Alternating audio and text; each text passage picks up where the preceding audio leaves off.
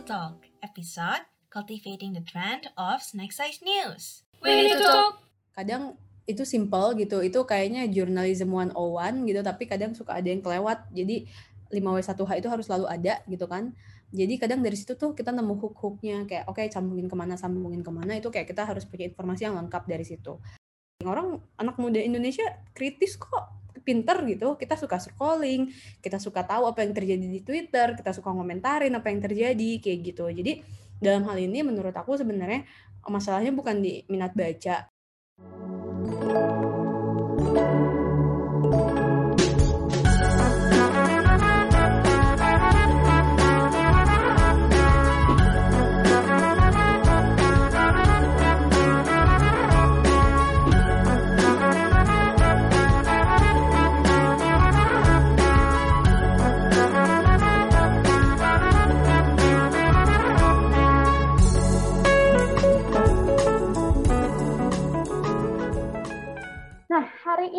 kita kedatangan Kak Haifa Inayah, yaitu CEO dari Catch Me Up. Nah, buat teman-teman yang belum tahu nih, Catch Me Up sendiri adalah sebuah provider berita dalam bentuk newsletter pertama di Indonesia yang sekarang ini subscribernya udah 50 ribu loh. Dan tiap pagi, Catch Me Up bakal nungguin kamu di inbox email kamu setiap jam 6 pagi, setiap hari Senin sampai Jumat. Kak Haifa, thank you so much for joining us today. Apa kabar Kak Haifa? Baik, halo Rara ya berarti panggilnya. Iya Kak, sehat ya. Nah, Alhamdulillah. oke. Kak Haifa, hari ini kita mau ngobrol-ngobrol tentang Catch Me Up nih. Kan anak-anak muda sekarang nih, sekarang ini udah mulai males ya bisa kita bilang, udah mulai nggak mau men- Bisa menumpahkan energinya, waktunya buat baca yang berat-berat deh. Bener atau salah sih menurut Kak Haifa? Dan menurut Kak Haifa sendiri nih, awal mula tren ini berlangsung tuh dari mana sih Kak? Wah, pertanyaannya baru mulai langsung berat ya. Eh, jadi mungkin perkenalan apa namanya nambahin aja tadi sedikit dari Rara. Eh, benar, jadi kita adalah newsletter eh, company pertama di Indonesia eh, yang berbentuk yang khusus berita kayak gini dan sebenarnya hari ini kita lagi ulang tahun Oh my God, happy birthday, Catch Me yang Up. kedua. Jadi Catch Me Up nih Gemini. Anyway, Em, balik lagi ke tadi soal penjelasan um, a- anak sekarang malas baca berita gitu ya berat. Hmm, betul.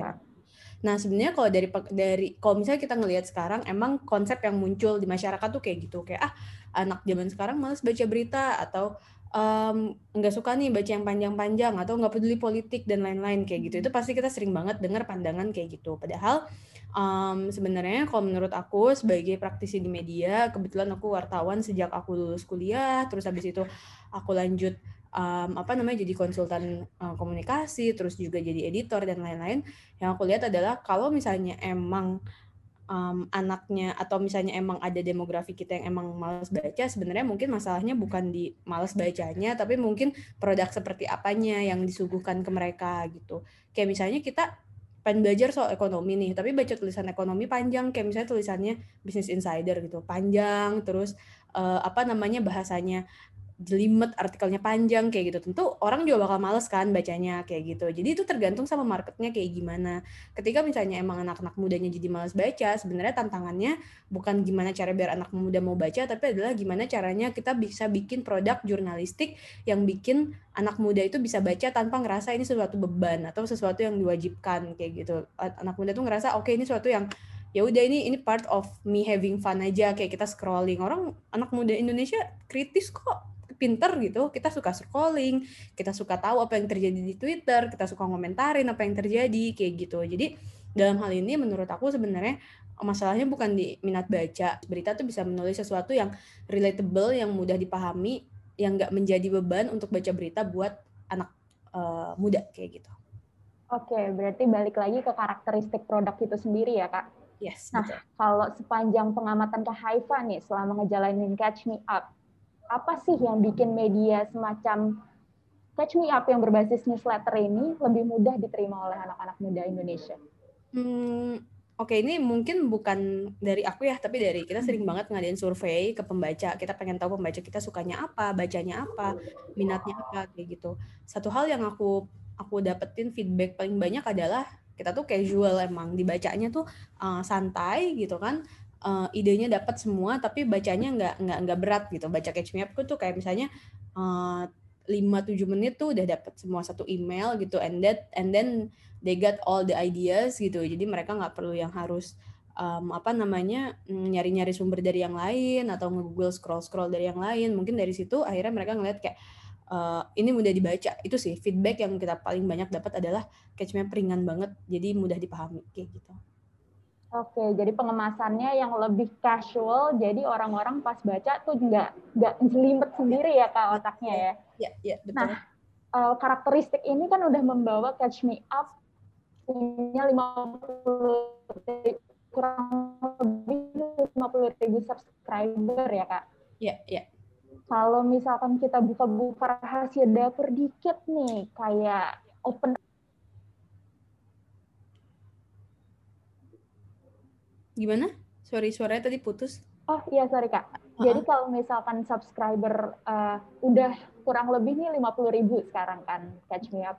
Nah, boleh buka-buka rahasia dapur dikit nggak nih Kak? Soal kayak open rate dan segala macam yang catch me up lakukan nih di belakang layar gitu. Oke, okay. um, ya kita subscribers kita sekarang di ad, uh, active address-nya adalah 50 ribuan. Terus open rate kita tuh antara 35 ke 50. Eh sorry, ke 35 ke 40. Jadi um, apa namanya itu jumlah peserta ya atau jumlah subscribers yang buka email kita tiap hari. Kadang uh, di 37, 38, 39 kayak gitu. Really depends on um, apa namanya?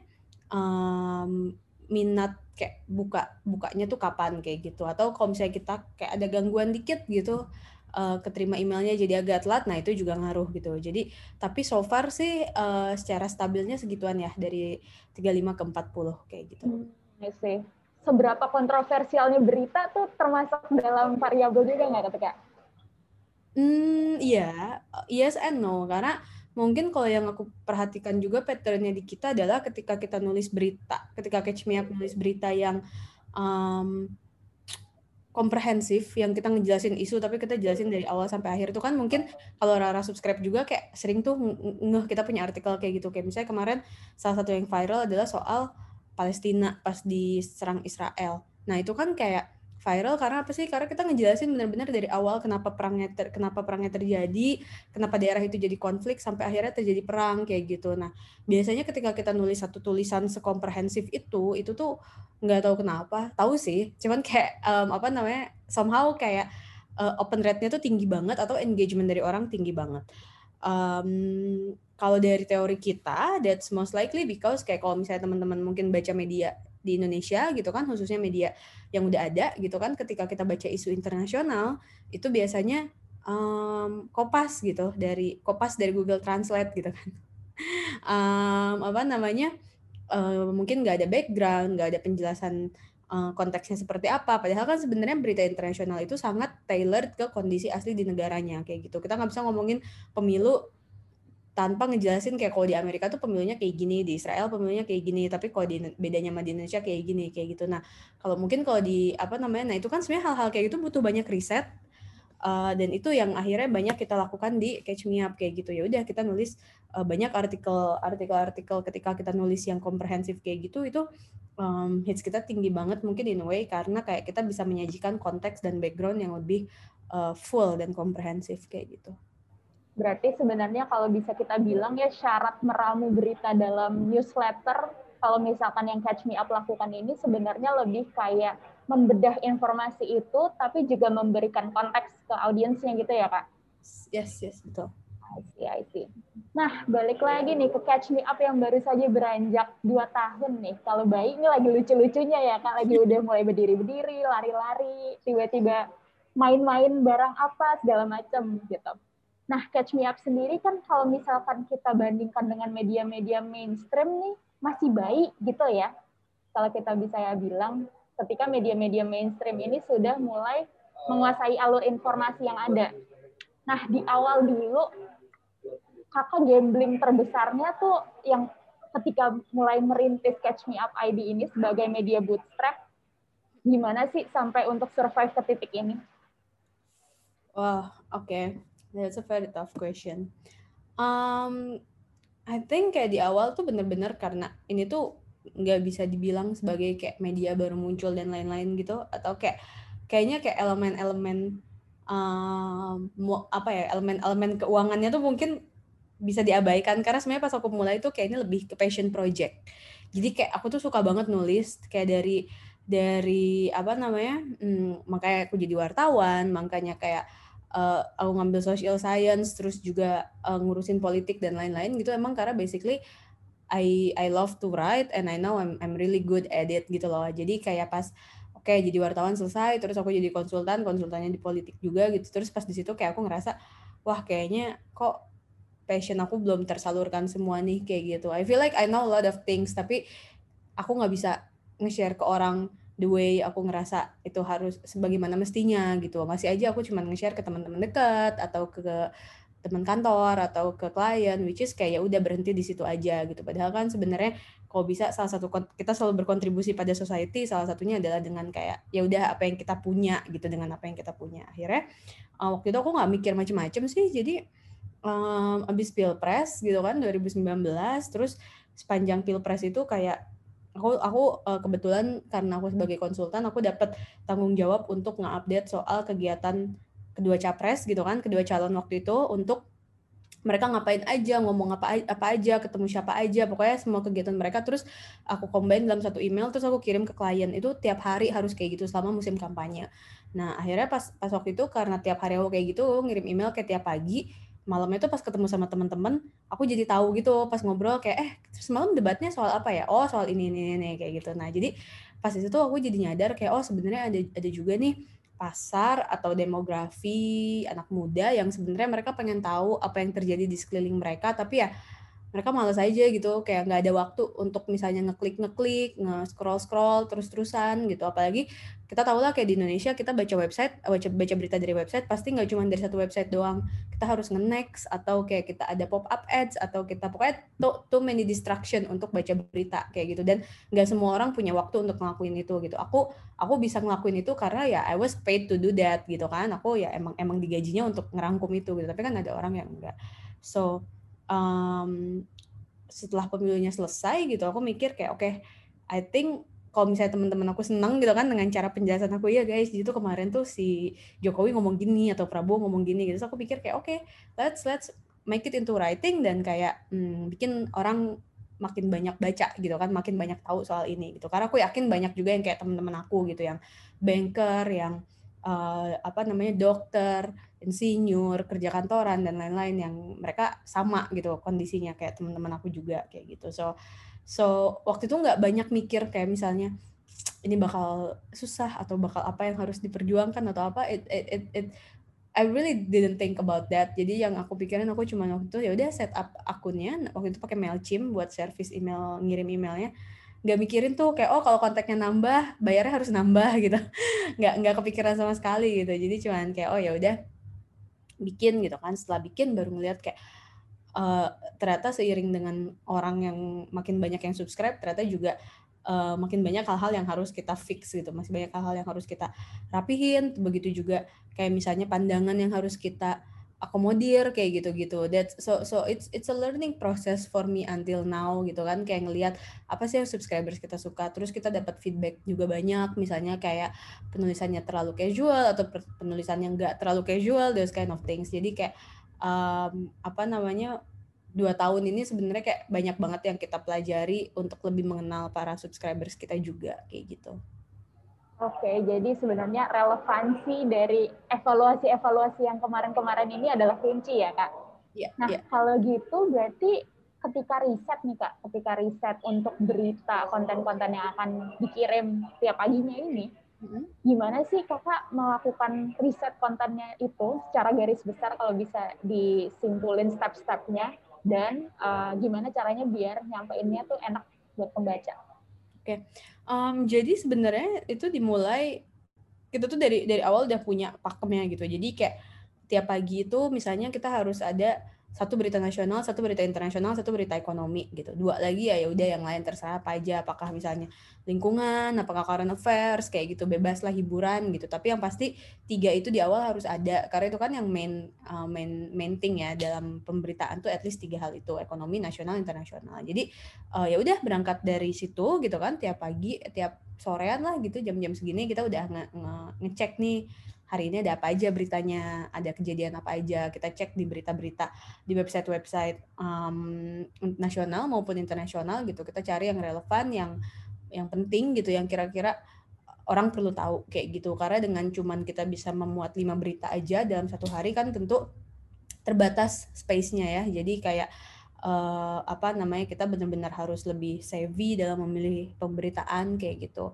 Tapi yang pasti sangat terbantu dengan adanya pakem tadi di awal sih kayak apa aja nih? gitu. Kayak gitu uh, yang mau ditulis kayak gitu. Oke, jadi pastiin sebelum nulis pun udah punya struktur-struktur, udah punya mappingnya dulu ya kak sebelum nyari-nyari, gali-gali lebih dalam lagi. Yes. Oke, nah kan engagement uh, Catch Me Up lewat newsletter ini bisa dibilang cukup besar ya daripada media-media uh, mainstream yang lewatnya cuma di surface aja gitu nggak yes. nggak di depan mata kita gitu. Nah, ini ada strategi khusus nggak sih Pak, Pak pas pertama kali mulai untuk bisa ningkatin engagementnya dan mastiin kita tuh nggak kalah catch me up itu nggak kalah sama media-media mainstream. Okay. Um, sebenarnya ini sih dari awal tuh aku mikir kayak gini, kayak kita kan media baru yang bootstrapping yang kayak kita nggak punya modal sama sekali bisa dibilang kayak we don't have investors, we don't have big capital behind us gitu kan. Jadi ya tadi kayak aku bilang kayak ini benar-benar passion project dan kayak ya udah kita jalanin dengan apa yang kita punya aja kayak gitu. Jadi um, apa jadi dari awal aku bilang sama timku juga bahwa if we want to make this work then it has to be the antithesis of everything else yang udah ada gitu. Harus beda harus jadi kebalikan dari semua yang udah ada. Karena once kita sama aja gitu sama yang lain ya ya udah gitu. Kita bakal langsung kalah karena kita ya apa apa gitu. We don't we don't have anything gitu. Kita nggak yang bisa bisa jor-joran iklan atau apa kayak gitu. Jadi kita harus harus ingat bahwa kayak have to be always different. Jadi misalnya kalau misalnya hmm, media bacanya gitu ya. Misalnya di di media lain adalah pakai app atau pakai social media atau pakai um, apa namanya um, website gitu. Kalau di Catch Me Up pakai email Terus kalau misalnya media lain bahasanya casual, eh sorry, bahasanya uh, apa namanya formal, kaku gitu kan, 5W1 hanya jelas kayak gitu, panjang dan lain-lain. Catch me up justru kita bikin bite size, kita bikin casual, kita bikin tanya jawab, kita kasih jokes, and it's dry, sorry, it's just me. Um, apa namanya? kita bikin itu berbeda gitu. Jadi atau misalnya ketika misalnya dalam hal aktualitas juga ketika misalnya orang baca berita itu kapan aja datang gitu, kapan aja masuk. Kayak kita tahu website website website berita yang ada itu kayak tiap ada berita oke okay, uh, breaking news atau apa atau apa saat itu juga ada. Kalau di Catch Me Up nggak, kita cuma mau ngirim berita jam 6 pagi that's it because we know you have a lot of other things to do gitu. Jadi kayak we want to respect your inbox untuk cuman kayak ngirim sekali sehari uh, lima kali seminggu kayak gitu. Kita nggak mau spamming, kita nggak mau kayak tiba-tiba oh soal ini soal itu soal ini soal itu nggak kayak we we want to make it uh, apa ya respectful juga kayak gitu towards our audience. Jadi itu tadi contoh-contoh hal kayak uh, yang kita harus beda dari media mainstream kayak gitu. Um, itu sih. Jadi also at the same time kayak ketika nulis I I I, make sure that uh, apa ya tiap tiap tiap newsletter tiap edisi newsletter kayak it has to be the best ever gitu. Jadi tiap yang baru itu harus kayak mastiin bahwa ini udah paling bagus karena kita kita kan organik banget ya semua audience terus kayak penambahan subscribers dan lain-lain itu semua literally organik. Jadi ketika organik ya kita benar-benar harus bisa menjaga kualitas gitu. Kita harus bisa bikin nih yang 40% orang ini tetap terus-terusan mau buka email kita regardless gitu kan. Tetap menjadikan kita sebagai bagian dari morning routine mereka gitu. Bukan sesuatu yang replaceable. Misalnya kayak oh mereka baca di catch me up gitu tapi nggak apa-apa deh mereka nggak usah baca di catch me up baca di yang lain juga bisa. Nah kayak gitu uh, kita justru pengennya catch me up itu begitu distintif, begitu beda sampai ketika misalnya email kita nggak masuk, kok hari ini aku nggak dapet email sih kak? gitu, atau mungkin kok hari ini nggak dapet email? kayak gitu. So that's that's how much we want to be different. kenapa kita pengen different ya? As simple as karena kayak eh we are the same kayak we're done. Di di, di Indonesia nih persaingan media tuh berat berat banget gitu gede banget.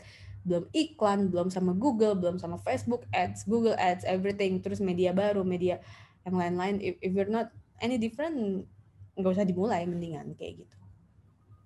I see. Nah balik lagi nih underlining usaha bootstrap nih ya media bootstrap. Pasti kan pernah mengalami ups and downs juga nih catch me up. Nah, kalau misalkan Kak Haifa bisa share satu lesson yang paling krusial nih dari perjalanan Catch Me Up selama ini, what would it be, Kak? Uh, perjalanan krusial ya. Hmm, apa ya?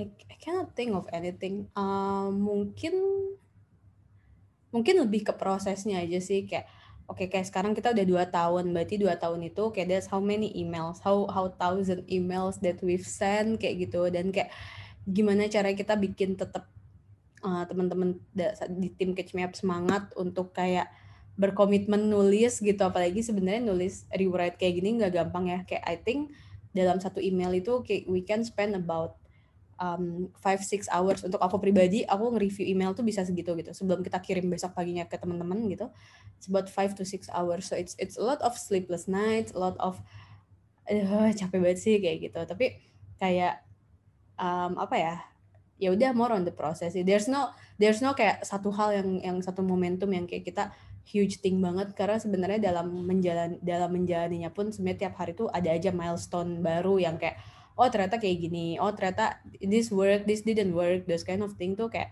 jadi jadi momentum pelajaran buat kita yang kayak uh, berguna banget sih buat menentukan langkah selanjutnya apa ke depannya kayak gitu. Lebih ke konsistensi sama the willing to learn ya kak berarti ya kalau misalkan yang di, kita bisa note dari catch me up Nah, sekarang agak geser dikit soal monetizing information nih, Kak. Sekarang kan kalau misalkan kita ngomongin bisnis ya, informasi bukan lagi sesuatu yang dicari, tapi justru kita yang disamperin informasi gitu. Dan bahkan kadang-kadang sampai hyper targeted, terus jadi kayak, aduh kebanyakan nih di jalan gue, padahal bukan ini yang gue pengen cari gitu. Malah yang pengen kita konsumsi jadi nggak ketemu. Nah, menurut Kak Haifa sendiri, kalau merujuk ke fenomena itu, masih relevan nggak sih Kak monetisasi informasi? Monetisasi, um, depends on how we do it ya. Sebenarnya kalau misalnya, I always believe kayak anything organic is good gitu. Kalau misalnya kita bisa bikin konten yang organik, yang emang bagus, yang emang well curated, high quality, why not gitu kan? Karena sebenarnya emang uh, dalam dalam mencari informasi juga kan sebenarnya bukan hal yang mudah gitu. So we need to respect those people who works in that industry juga sebenarnya kayak gitu in those area juga yang yang willing and commit to do that for us gitu. Tapi at the same time kayak uh, aku setuju sama Rara kayak sebenarnya dengan makin banyaknya informasi sekarang gitu, terus juga informasinya makin ter uh, tersebar dengan mudah dan lain-lain, kita juga harus hati-hati dalam hal milih apa berita apa yang kita konsumsi, informasi apa, apa hal yang kita percaya, kayak gitu-gitu. Uh, karena again kayak banyaknya informasi itu it's it's, it's a double edge sword gitu, nggak selalu positif, tapi tentunya ada juga hal-hal negatif yang muncul dari itu gitu. Oke, oke. Nah, kalau misalkan monetisasi informasi nih, yang paling sering kita lihat kalau misalkan online mungkin lebih ke advertisement dan product placement ya. Nah, menurut Kak Haifa sendiri, ada cara lain nggak sih untuk bisa memonetisasi informasi ini selain lewat kedua hal itu? Hmm. Mm, mm, mm, mm. Um, actually, I'm sebenarnya di Catch Me Up, I'm more like a like like a like a writer sih. Oh jadi kayak aku sebenarnya uh, karena emang again kayak background aku penulis gitu. So I'm I'm more concerned about gimana caranya kita menghasilkan tulisan yang bagus dan yang berkualitas buat pembaca kayak gitu. Uh, placement uh, dan lain-lain kayak itu penting gitu. Penting juga untuk memastikan keberlangsungan kehidupan suatu perusahaan kayak gitu. Tapi again kayak ya mereka yang placement pun nggak bakal seneng ketika misalnya konten kita uh, apa ya nggak well curated atau nggak nggak kualitasnya nggak bagus yang akhirnya kayak jatuhnya ya kita cuman um, yang penting naro aja gitu atau yang penting ada iklan aja kayak gitu tapi kemudian produk produk um, jurnalistiknya kurang maksimal kayak gitu. Jadi tetap aja dalam hal ini uh, apa namanya placement penting, terus juga advertising penting gitu. Tapi hindari hindari hal-hal yang bikin kita kayak bayangin misalnya kayak kita kita baca baca berita di online gitu terus kayak pas muncul pop up what we do adalah kita nutup websitenya gitu kan nutup pop upnya gitu. Without we have to read it first gitu karena kita ngerasa kayak apaan sih kok ada pop up kayak gitu? Nah yang kayak gitu-gitu sih yang menurut aku kayak agak bukan pointless ya cuman lebih ke kurang kurang ketemu aja sama prinsip-prinsip um, apa namanya jurnalisme yang lebih berkualitas kayak gitu balik lagi mungkin lebih ke storytelling gimana cara kita ngemas kontennya di antara di sekitar produk kita itu ya kak. Betul betul. Again eventually kayak good content is a king. It's always it's always be a good content harusnya. Nah, salah satu matrix utama dari newsletter dan email marketing ini kan sebenarnya satu satunya adalah subscribers growth ya. Nah, kalau misalkan Catch Me Up sendiri nih, hari ini udah bisa sampai 50 ribu subscriber mungkin kalau Kak Haifa bisa bagi sedikit nih tips-tips buat teman-teman yang lagi belajar soal email marketing ini. How uh, Catch Me Up bisa pada akhirnya ngembangin subscribernya sampai sebanyak itu dari awal sampai udah dua tahun ini. Oke, okay. um, kayak first kayak awalnya bener-bener dari mau to mouth promotion gitu dari teman ke teman yang suka gitu terus ngajakin teman-temannya untuk subscribe dan itu jadi which means kayak everything is organic gitu kan. Kita nggak punya ads kita nggak ngiklan kita nggak minta di endorse siapa-siapa ya. Well, minta di endorse kalau bisa temen eh lu subscribe dong terus dia suka terus endorse gitu. Itu itu itu yang banyak kejadian kayak gitu. But we're not actually paying people for advertise to us gitu. Jadi kayak um, itu enggak gitu. Tapi yang aku lihat adalah ketika orang dengan sukarela misalnya uh, ngajakin teman-temannya untuk subscribe dan lain-lain itu adalah karena they genuinely feel that our content ya se, se worthwhile itu gitu se se apa ya bermanfaat itu buat dia sampai mereka mau ngajakin teman-temannya untuk subscribe juga. Jadi eventually konten kita emang harus bagus konten kita emang harus um, berkualitas jadi bikin orang mau kayak oke okay, gue akan dengan sukarela mempromosikan uh, produk newsletter ini gitu. Karena ternyata emang sangat membantu dan lain-lain. Karena baik lagi ke kualitas kan kayak kalau misalnya kita udah subscribe terus kualitasnya jelek ya paling 5-6 bulan orang unsubscribe gitu kemarin yang menarik ketika kita ngelihat data cohort dari subscriber Sketch Me Up itu adalah um, ternyata 93% subscriber Sketch Me Up itu nggak unsubscribe uh, dalam satu tahun pertama. Jadi kamu bayangin kita baru berdiri dua tahun, terus kayak dalam satu tahun pertama tuh nggak ada yang unsubscribe sampai 93 persennya mereka nggak unsubscribe gitu. So that that's that speaks volume kan sebenarnya kayak kenapa kayak orang kita punya unsubscribe rate segitu rendahnya kayak gitu mungkin kan salah satunya karena emang um, apa namanya ya people engage and people love our content kayak gitu. Jadi balik lagi quality the quality of our content that has to be the first thing. Jadi kalau teman-teman mau bikin newsletter atau mau bikin konten marketing apa pun itu uh, tetap sih mau regardless kayak kita advertise di mana kayak gimana dan lain-lain kalau misalnya kontennya jelek ya orang baca atasnya doang terus di skip kayak gitu. Oke, nah sebelum kita nanti akan diskusi dan foto-foto dulu nih, hmm. kita udah mulai ke penghujung diskusi discussion-nya nih. Nah kalau dari Kak Haifa sendiri, kalau misalkan Kak Haifa dimintain resep-resep penulisan untuk bisa bikin snack size content gitu. Karena ini kan untuk bisa memecah konten dengan tepat itu membutuhkan skill-skill khusus ya Kak kalau bisa kita bilang. Karena kita harus menganalisa apa aja sih yang harus dipecah dan tetap dipertahankan untuk dikasih ke audiens gitu. Nah, kalau Kak Haifa sendiri bisa kasih kita dikit aja resep-resep penulisan ala Catch Me Up untuk snack size content, apa aja sih Kak yang bakal Kakak bagi? yang pasti sebenarnya sama ya sama uh, media mainstream pada umumnya uh, selalu kayak mungkin the moment the moment kita nulis berita yang harus diingat adalah oke okay, 5W1H. Kadang itu simple gitu. Itu kayaknya journalism 101 gitu tapi kadang suka ada yang kelewat. Jadi 5W1H itu harus selalu ada gitu kan. Jadi kadang dari situ tuh kita nemu hook-hooknya kayak oke okay, sambungin ke mana sambungin ke mana itu kayak kita harus punya informasi yang lengkap dari situ. Soal omnibus law. Nah itu kayak kita bakal berusaha bukan cuma cover both sides gitu. Kalau di jurnalistik kan nanti namanya cover both sides uh, apa namanya dua dua pihak itu apa omongannya dimasukin gitu. Kalau di catch me up kita kalau bisa sih cover all sides ya. Jadi kayak semua omongan kita masukin gitu. Jadi kayak pandangan siapa pun dari misalnya DPR, pemerintah, uh, terus juga misalnya kepolisian, kementerian, pengadilan dan lain-lain. Kalau misalnya itu relevan, pasti bakal kita masukin. In a sense kayak again balik lagi ke pandangan bahwa Catch Me Up itu harus jadi media yang beda sama media yang udah ada, yang antitesis dari yang udah ada. Kita menyadari kayak uh, sayangnya gitu kan kita bisa ngelihat nih media mana yang mendukung siapa, mendukung siapa dalam politik kayak gitu yang mungkin not necessarily netral gitu kan. Nah, kalau di Catch Me Up itu justru kita pengennya kita nggak kayak gitu gitu. Kita pengennya ya udah uh, kita kasih aja semua informasinya, orang ngomong apa, konteksnya kayak apa, backgroundnya kayak apa.